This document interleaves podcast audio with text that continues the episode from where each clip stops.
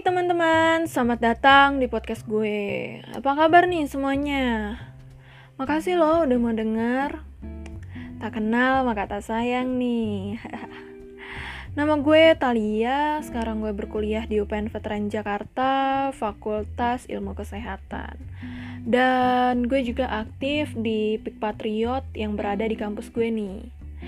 Nah, daripada kelamaan basa-basinya, sekarang kayaknya gue langsung aja nih jelasin apa sih yang nanti bakalan gue bahas di podcast ini. Nah, jadi yang bakalan gue bahas tuh tentang perencanaan remaja ke depannya. Kenapa sih kita perlu membahas tentang perencanaan?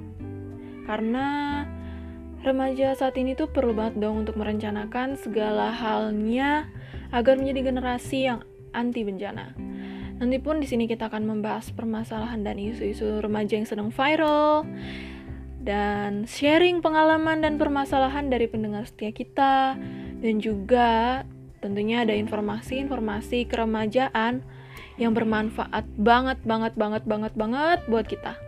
Dan aku nanti di sini akan mengundang juga pembicara-pembicara remaja yang tak kalah hits dan tak kalah milenial yang pastinya bisa menginspirasi dan memotivasi kalian juga untuk menjadi remaja yang berencana dan remaja yang sukses.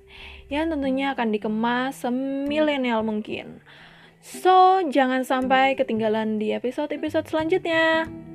Hmm, oh iya, kenapa sih aku ngasih nama podcast ini Gencast? Hmm, apa ya? Jadi singkatannya itu genre podcast Di mana sobat genrejers yang hits-hits ini Sangat senang mendengar informasi-informasi yang bermanfaat melalui podcast Sehingga para remaja saat ini dapat menghindari triad KRR Yaitu resiko yang akan dihadapi oleh para remaja-remaja nantinya. Um, Kayaknya udah dulu nih podcast episode pertama gue Buat kalian yang sekarang sedang galau, jangan galau lagi ya. Dan kalian yang sedang semangat, tetap semangat terus. Yeay.